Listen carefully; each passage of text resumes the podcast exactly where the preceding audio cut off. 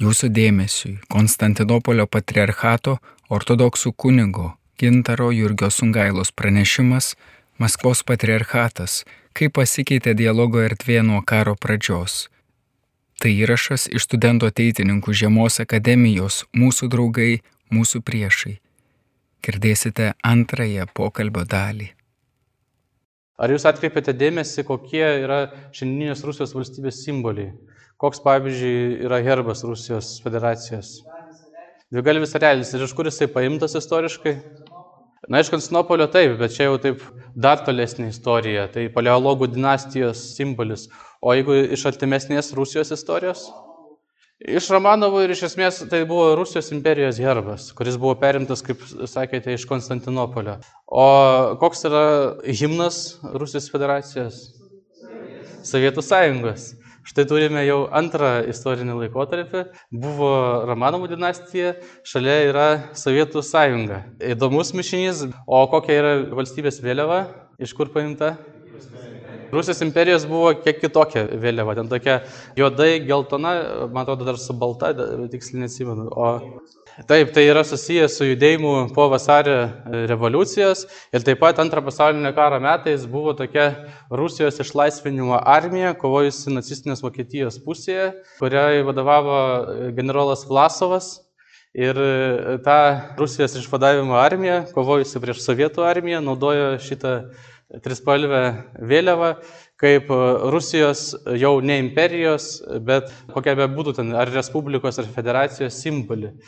Ir patriarchas Kirilas vienoje laidoje su Dmitrijum Kiseliovu sakė, aš skatinau valdžios atstovus, kad jie perimtų šitos tris simbolius. Dėl to, kad jie žymi tasą vat, rusų pasaulio istorinėje tekmėje. E, imperija, Sovietų sąjunga kaip imperijos tasa ir naujoji Rusija, naujoji Rusijos vėliava, federacija, tai kas po imperijos ir po e, Sovietų sąjungos. Faktiškai Hegelio principą gyvendino. A, Hegelio principą gyvendino, na taip.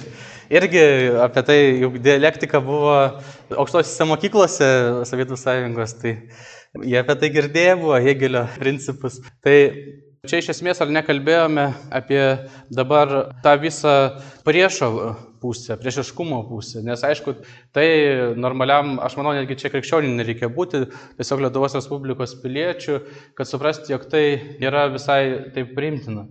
Toliau matau, kad pas mane su skaidrėm yra problema, tai tiesiog įjungsiu pirmą skaidrę ir pakalbėsiu apie kitą pusę, apie draugo pusę. Ir ta draugo pusė, kaip sakiau, ji irgi yra, nes žiūrint krikščionio akimis, žiūrint bažnyčios akimis, mes galime pamatyti, kad bažnyčioje, kaip krikščionių susirinkime, yra ne viskas taip vienareikšmiška. Kaip patys krikščionys ortodoksai apibrėžia bažnyčią? Tai toks katekizmo formalus apibrėžimas yra keturi elementai, kad tai yra krikščionių susirinkimas, kuri jungia bažnyčios hierarchiją, kad tai jungia tikėjimo mokymas ir dorovinis įstatymas. Kitaip tariant, krikščionių susirinkimas, hierarchija, dorovinis mokymas, tikėjimo mokymas. Ir krikščionys ortodoksai kalba apie krikščionių bažnyčią kaip organizaciją, žemišką organizaciją, ypač kai kalbama apie vieną patriarchatą kaip organizaciją ir kai kalbama apie visuotinę bažnyčią, ir mistinį Kristaus kūną, tai vis dėlto istoriškai galima pasakyti, kad žmogiškosios institucijos, jos tam tikrą prasme tarpsta tarp dangiškosios bažnyčios ir šitos žemės. Kaip Kristus yra dievažmogis, viena vertus Dievas, kita vertus žmogus, taip ir bažnyčia yra dieviškoji ir ta e, žmogiškoji pusė, istorinė ir amžinoji pusė. Ir katekizmas, aišku, kalba apie amžinąją pusę ir kalba apie tai, kad žmogus atėjęs į net ir Maskvos patriarchato bažnyčią, kur nors Rusijoje, jis e, susipažins su tuo tikėjimo mokymu, su tuo doroviniu mokymu, kuris yra skelbiamas Evangelijoje. Ir jis galės tapti visuotinės bažnyčios dalimi. Kitas klausimas, kas atsitiks, kai žmogus perskaitęs Evangeliją, perskaitęs bažnyčios tėvų raštus, jis išgirs, ką skelbia patriarchas. Tai žinoma, kad mes praktikoje ir matome, kad dabar Rusijoje, Baltarusijoje kunigai yra sadinami kalėjimus, gauna baudas ir ne tik kunigai, ir tikintieji. Ir tiesiog jau yra toksai judėjimas Kristijanė protiv vainai, krikščionis prieš karą ir jie sudarinėja sąrašus represuotų kunigų. Ir ten jau yra šimtai kunigų. Ir daugybė jų bėga dabar ir tame tarpe į Lietuvą ir Europos Sąjungą. Ir atsiranda tie krikščionys, kurie atrodytų priklausydami Maskvos patriarchatui, girdėdami tai, ką šneka patriarchas, vis tiek aukščiau laiko Dievo žodį ir jie protestuoja ir už tai kenčia. Ir sovietmečių, apie kurį kalbėjau, irgi buvo dvasininkai, kurie net ir priklausydami Maskvos patriarchatui, kadangi kito patriarchato Rusijoje ypač ir nėra, lieka tik pasirinkimas arba eiti į Maskvos patriarchatą, arba eiti kažkokią, galima pavatloti tokį žodį iš tikro sektą, į kažkokią atskilusią nuo visuotinės bažnyčios grupę, kuri kažką kitaip savaip daro. Ir daugelis rinkosi eiti Maskvos patriarchatą ir nepaisant visų tų išorinių aplinkybių, laikytis tikėjimo, kokį mato iš tikro bažnyčios mokyme.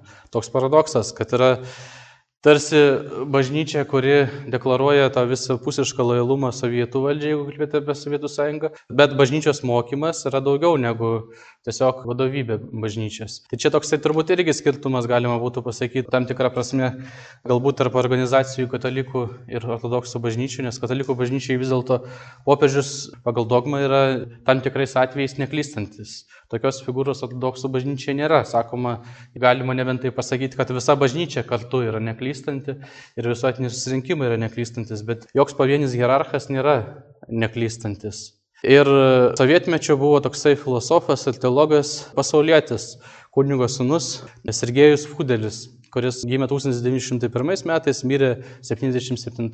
Daugybę kartų buvo suimtas sovietų valdžios, kalintas, bet visą laiką išliko bažnyčioje ištikimas krikščionis.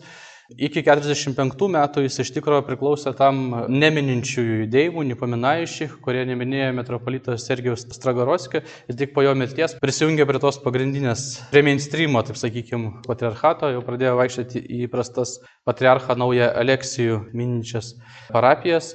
Ir jis paliko tokių nemažai teologinių ir filosofinių apmąstymų, kurias dabar šiandieniniai rusai skaito ir apie kurios dažnai diskutuoja internete, bandydami rasti atsakymus į tai, kaip elgtis šiandieninėje padėtyje. Ir viena pagrindinių tokių, galima sakyti, bažnyčios kontekste Sergejaus Fudelio idėjų, da tokia pakankamai radikali, skamba taip, kad nuo pat bažnyčios pradžios institucinėje bažnyčioje žemiškoje bažnyčioje visą laiką be Kristaus, be tiesos ir šviesos buvo tam tikras blogis. Ir jis ima bažnyčios raštus, pradedant šventųjų raštų apaštališkais tėvais per visą istoriją ir jis rodo, kaip visada buvo, be to, kad bažnyčia buvo tiesos skelbėja, bet visą laiką buvo tam tikras blogis. Sako, su Kristumi paskutinės vakarienės metu prie stalo sėdėjo Judas Iskarijotas. Apreiškimo Jonui knygoje irgi kalbama, ten yra laiškai skirtingom bažnyčiom ir tam tikros bažnyčios yra baromos už atsimetimą į klaidatikystę ir už amoralumą. Toliau apaštališkųjų tėvų raštose matom Hermo ganytoje, kur kalbama metaforomis apie blogį bažnyčią ir netgi mokama, kaip su elgtis. Net Kristus pats sakė, kad mes neskubėkime grūdus nuo pelų skirstyti, bet ateis žmogaus sunus pasaulio pabaigoje ir jisai jau atskirs. O Hermo ganytojai matome kelias tokias irgi metaforas apie tą blogį bažnyčioje, kur vienoje metaforoje sakoma dabar yra tarsi dvasinė žiema kai už lango medžiai neturi lapų. Ir hermoganytai sako, neaišku, kuris medis yra gyvas, o kuris yra miręs. Nes galbūt kai kurie iš šitų medžių jau yra mirę, jie yra žuvę, bet apie tai sužinosim tik pavasarį, kai vieni duos lapus, o kiti neduos lapų. Ir ten išsakoma ta pati mintis, kad neskubėk kirsti medžių, o slauk pavasario. Kitaip tariant, sulauk, kada sugrįž Kristus antrojo ateimo metu ir tada bus aišku, kuris medis gyvas, kuris miręs ir Dievas jau išsiaiškins su savo medžiais. Ir yra kita vizija Hermo, kur mato bokšto statybas ir angelai vienus akmenis deda į bokštą, kitus išmeta. Nes tai yra žmonės, kurie tarsi priklauso bažnyčiai, bet nesilgia, negyvena krikščioniškai. Na ir paskui prisimena ir didžiosios bažnyčios šventuosius Fudelis, tą patį Joną Auksaburnį, kuris kritikavo imperatorienę už amoralų gyvenimą, už ištaigumą ir irgi už tai buvo teisiamas. Beje, tarp jo kaltinimų Jono Auksaburniui buvo, kad jisai šmeižia kunigus ir meluoja apie bažnyčią, nes jisai kalbėjo apie kunigų tam tikrą moralinį pasileidimą. Ir žodžiu, jisai buvo už tai ir atskirtas iš kunigų lomo ir ištremtas ir nu, jisai turėjo kentėti už tiesą, žodžiu. O po mirties jau buvo paskelbtas šventuoju. Ir Sergejus Fudelis tokiais pavyzdžiais jisai bando parodyti, kad e, situacija Sovietų sąjungoje, o to pačiu dabartiniai rusai įskaitydami galvoja apie šiandieninį Maskvos patriarchatą, kad tai nėra visai nauja bažnyčios istorijai, kad tai nėra kažkas tai radikalaus. Ir e, jisai sako, visa bažnyčios istorija tarsi bažnyčia yra, kaip jisai vadina, tamsusis bažnyčios antrininkas. Tamsusis bažnyčios antrininkas, kuris kaip judas, jisai yra šalia, bet jis nesielgia taip, kaip Kristus moko.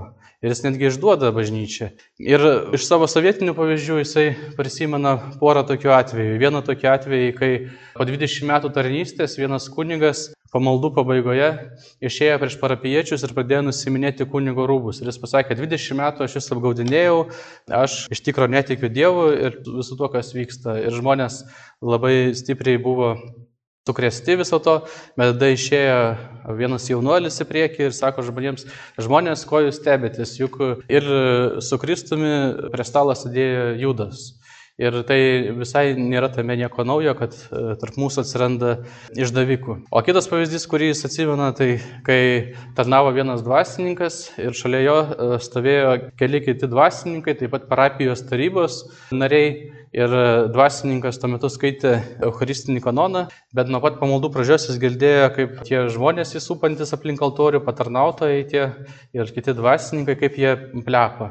Vienam pasakoja kitam anegdotą, kas kalbasi apie būsimus remontus parapijoje ir kaip ten stogą reikia keisti ir taip toliau. Ir sako, ir Eucharistinio kanono kulminacijai jis neapsikentė, pasisuko ir sako, žmonės susičiaukit, trukdot man. tai va, Ir Fudelis irgi taip pat teikia kaip tamsios bažnyčios antrininko veiklos tokį pavyzdį. Kad štai yra žmonės, kurie bando melstis, bando sekti Kristumi, bet yra bažnyčia ir tas blogis, netgi tarp dvasininkų. Nenuširdus tikėjimas, nesiekimas Kristumi ir taip toliau, taip toliau. Ir aišku, jo atsakymas į tai, ką daryti, yra toks, kad visų pirma, aišku, tiesiog sekti Kristumi, sekti Evangeliją ir nekreipti dėmesio į tą blogį, o priimti kančią dėl tiesos, kuri gali būti ta kančia netgi pačioje bažnyčioje, pačios bažnyčios viduje. Jis skatina savo bičiulius nepereiti į visokias tokias atskalas nuo pagrindinės bažnyčios, nes Rusijoje buvo tik viena Maskvos patriarchato bažnyčia, jokių kitų patriarchatų nebuvo, tai nebent gali jau kažkokią tai steigti tokią stipresnį žodį pavatos sektą, kuri būtų svara tai pagrindiniai bažnyčiai. Bet jis sako, tai yra neįsigelbėjimas, nes iš esmės tas, iš principo, va, tas va, blogis, kad jis visada iki antro Kristos ateimo jis šalia yra ir sukursi kažkokią sektą ir ten irgi bus visokių blogybių, bet kita vertus, dar svarbesnis momentas, aišku, kad reikia būti su visuotinė bažnyčia ir visuotinės bažnyčios dalimi. Ir, taip sakant, paskutinis momentas, kurį jisai sako, sako, kad žmonėm, kai jie ateina į bažnyčią, kaip skelbiama Evangelija, taip ir reikia kalbėti apie tamsį bažnyčios antrininką. Kitaip tariant, apie tas blogybės. Nes sako, jauni žmonės ateina į bažnyčią, visko naiviai tiki, o paskui, kai susiduria su nedarais viskupais, su nedarais patriarchais, tai jie būna nusivylę ir netgi pameta visą tikėjimą. Ir jis sako, dėl to reikia kalbėti apie tai nuo pačios pradžios. Ir dabar vėlgi aš taip užulankom kur vedu, kalbėdamas apie priešą ir draugą. Tai čia yra va ta draugo pusė. Kadangi net ir Sovietų sąjungoje pačiais niuriausiais laikais, kai Hruščiovo ar Stalino persikimų metais Sovietų sąjungos viskupai ir patriarchai deklaravo lojalumą Sovietų valdžiai ir kad spalio revoliucija irgi ten, sakykime, yra evangelinių idealų sėkimas, tai bažnyčiai buvo tas pats Sergejus Fudelis ir daugybė, daugybė kitų eilinių krikščionių, kurie tiesiog neturėdami pasirinkimų, norėdami priklausyti apaštališkai bažnyčiai, visuotiniai bažnyčiai, ėjo uh, į Maskvos patriarchato bažnyčias, priklausė Maskvos patriarchatui ir tiesiog stengiasi gyventi evangeliškai. Ir du tokie pagrindiniai momentai krikščionio akimis turbūt būtų šie, kad viena vertus Maskvos patriarchatas, kad ir kaip nepatiktų jo vykdoma politika, įsitraukimas į dabartinę politiką, tai vis dėlto yra apaštališka bažnyčia, tai yra tikra bažnyčia, jos sakramentai tikri ir tai aišku atskira kalba apie, bet visumoje ir katalikų ir ortodoksų mokymas yra toks, kad nuo kunigo asmeninių nuodėmių sakramentų tikrumas nepriklauso ir sakramentai yra tikri. Ir juose yra tikrų krikščionių, kurie stengiasi išgyventi. Ir tame yra tas draugo aspektas ir tame yra draugystė, kuri gali būti tarp mūsų ir Maskvos patriarchato. Ir gal kažkam kyla klausimas, jeigu, pavyzdžiui, Fudelis jisai kalbėjo apie tai, kad nereikia ieškoti kažkokių tai sektų ar atskalų, tai kodėl mes nuėjom į Konstantinopolio patriarchatą. Tai didysis skirtumas, kurio vat, bando dabar Maskvos patriarchato vadovybė tą, taip sakant, užtemdyti, tą iškreipti. Tai didysis skirtumas ir yra tas, kad žmonės, kurie pereina į Konstantinopolio patriarchatą, jie pereina iš vienos ortodoksų bažnyčios jurisdikcijos į kitą. Jie neišeina niekur iš bažnyčios ir nedaro nieko prieš bažnyčios taisyklės. Tik problema yra ta, kad kažkas jų nenori paleisti, išeiti ir tiek. Bėda ta, kad aš mokiausi ne Rusijoje ir ne Maskvos patriarchate. Aš mokiausi Varšuvos seminarijoje, kur yra Varšuvos autokefalinė ortodoksų bažnyčia. Ir ten yra jau tradicija tam tikrų santykių su demokratinė valstybė. Ir apskritai, ir net ten yra atskira. Ir, sakykime, bet kalbant apie Maskvos patriarchatą, tai aišku, kad, sakykime, tuo pačiu Varšuvos autokefalinė ortodoksų bažnyčiai, kanonų teisės dėstytojai ir bažnyčios istorijos dėstytojai puikiai supranta, kad, sakykime, va tą santykių tarp Maskvos patriarchato istorija ir dabartis, kad ji nėra normali, jie žiūrėjo tai kritiškai.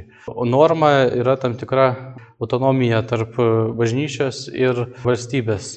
Ortodoksų bažnyčiai paprastai tai vadinama simfonija, kai e, bažnyčia užsiema savo reikalais, valstybė užsiema savo reikalais, bet veikla yra tam tikrų būdų derinama ir jeigu yra krikščioniška valdžia, ji padeda bažnyčiai, o bažnyčia laimina valstybę. O štai tai, kas yra Rusijoje, tai yra tų santykių iškreipimas, kai iš esmės bažnyčia jau pajungiama valstybei.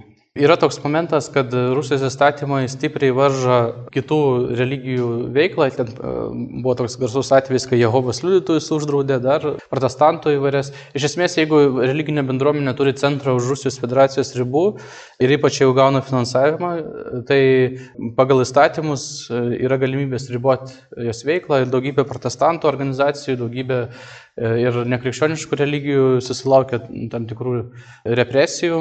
Dėl katalikų bažnyčios, tai sakau, aš taip neįsigilinau į tą situaciją, bet žinoma, kad žinau puikiai ir pats aš esu, nors ir nedaug, bet kelis kartus buvęs Rusijoje ir žinoma, katalikai ten gyvena labai atsargiai. Ir iš katalikiškos perspektyvos, irgi kai stebiu diskusijas apie, pavyzdžiui, popiežiaus pasisakymus tarp katalikų, tai man atrodo, kad vienas iš kontekstų popiežiaus pasisakymų yra tai, kad popiežius galvoja apie Rusijos katalikus. Ir kad tai, ką pasakys popiežius, tai Rusijos katalikam teks atsakyti už tai. Iš esmės, autokefalija yra administracinė visiška nepriklausomybė, paprastai pasakius. Autokefalinė bažnyčia pati savo skiria viskupus, gali turėti vidinių savo taisyklių, pati renkasi ten patriarchą ar koks bebūtų jos vadovo titulas.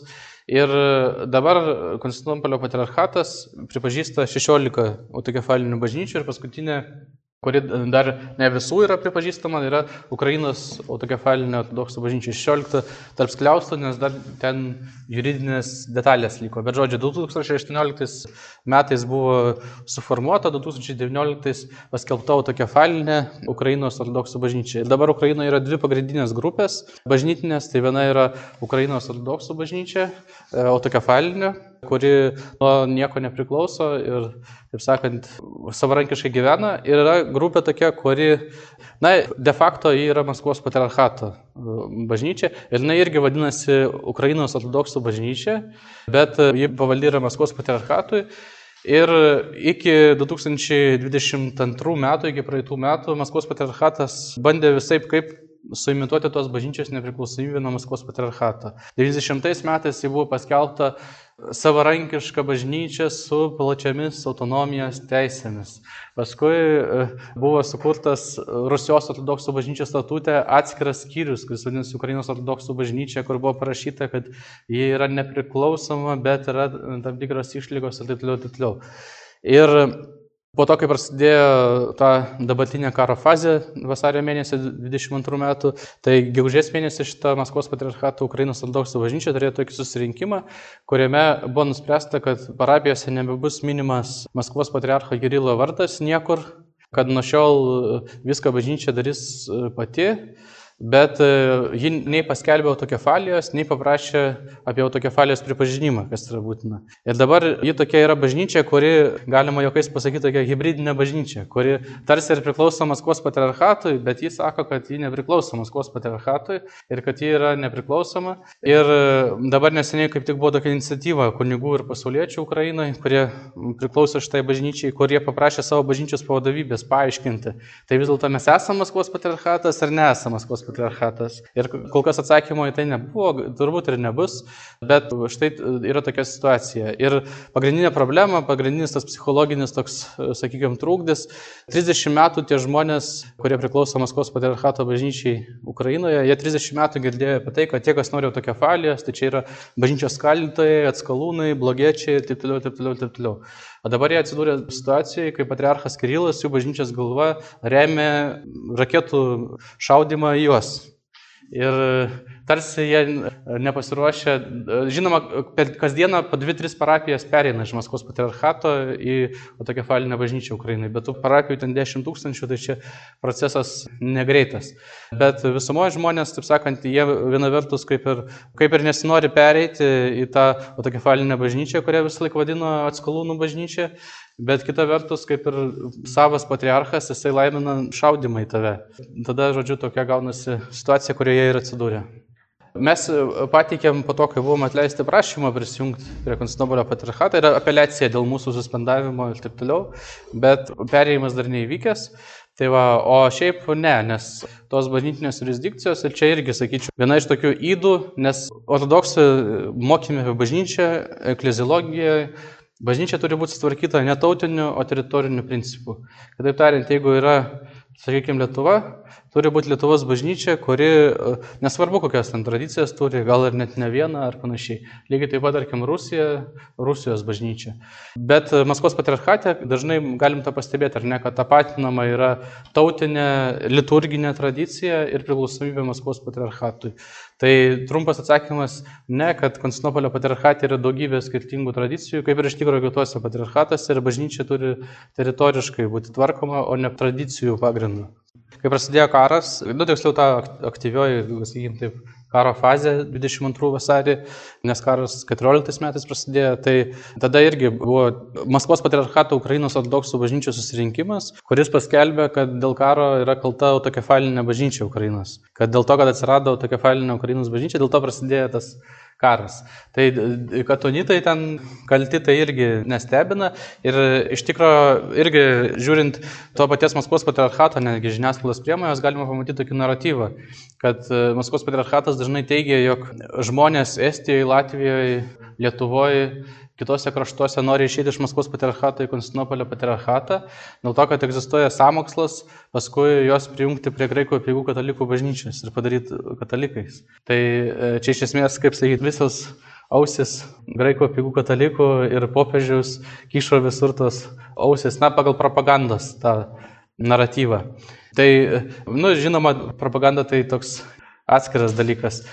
Popiežius Pranciškus buvo pats pirmas popiežius, kuris susitiko su Maskvos patriarchu istorijoje.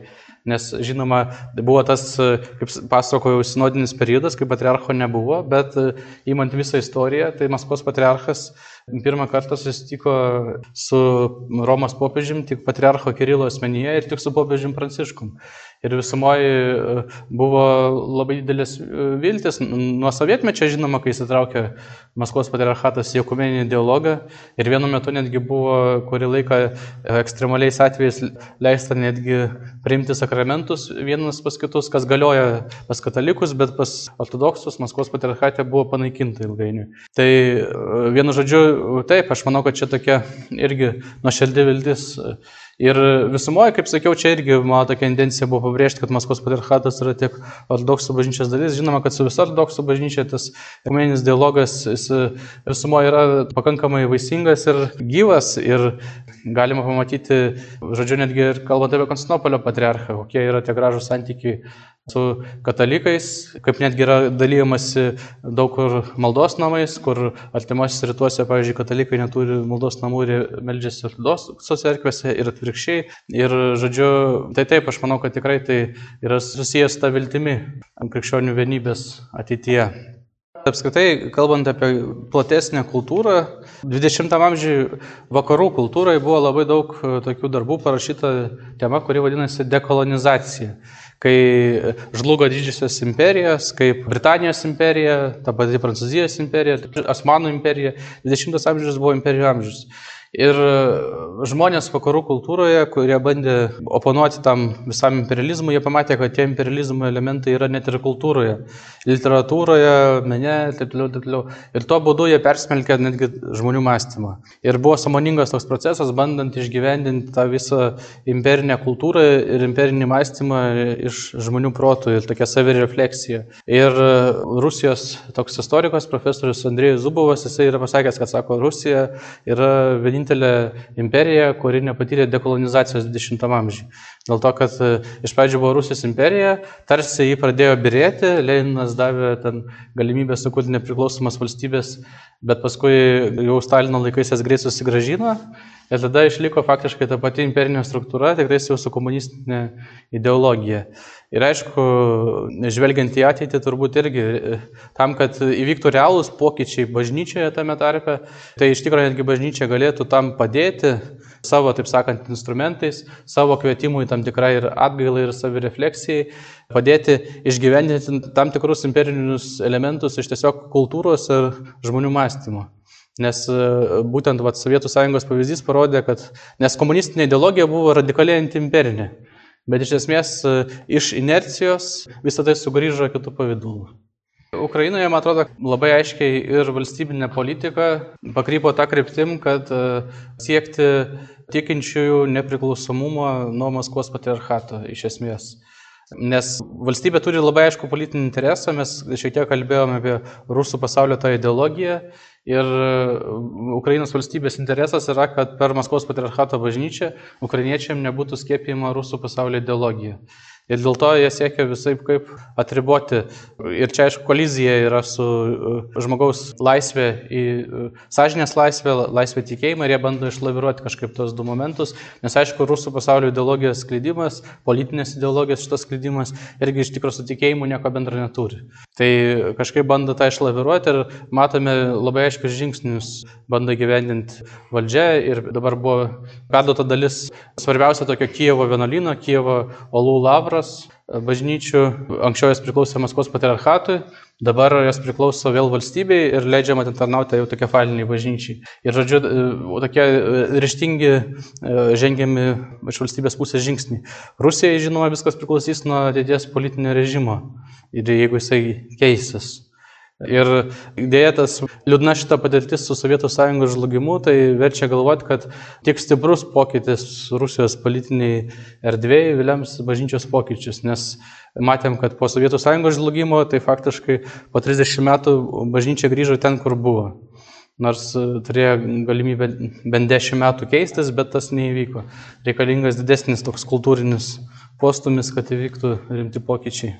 Kodėl mes, vat, tame tarpe, sakykime, lietuviai, bet ir ne tik lietuviai, ir rusai Lietuvos piliečiai, kurie pasisakė prieš, žodžiu, patriarcho Kirilo tos pamokslus ir taip toliau, kodėl mes buvome, sakykime, ir po 14 metų bažnyčiai ir taip toliau ir, ir visumoje. Nes po 91 metų, daug kas, kaip sakiau, turėjo vilčių, kurias, o dabar galima jau sakyti iliuzijų, kad situacija pasikeitė kad pasaulis pasikeitė, institucija Maskvos patriarchato pasikeitė. Ir šitas karas, ypač po vasario mėnesio praeitų metų, jis būtent atskleidė, kaip yra viskas iš tikrųjų. O tas viskas iš tikrųjų pasirodė, kad nuo Sovietų sąjungos laikų esmė pasikeitė mažai. Ir aš dar daugiau pasakysiu, aš minėjau tas grupės, kurios sovietmečio pradžioje atskilo nuo Rusijos Maskvos patriarchato, tai Rusijos ortodoksų bažnyčia užsienyje ir ten vakarų tradicijos, bažnyčia vakarų Europoje, žodžiu. Tai tos grupės buvo tiek įsitikinusios, kad jau viskas viskas pasikeitė, kad 20-ojo amžiaus pirmais dešimtmečiais jos sugrįžo į Maskvos patriarchatą.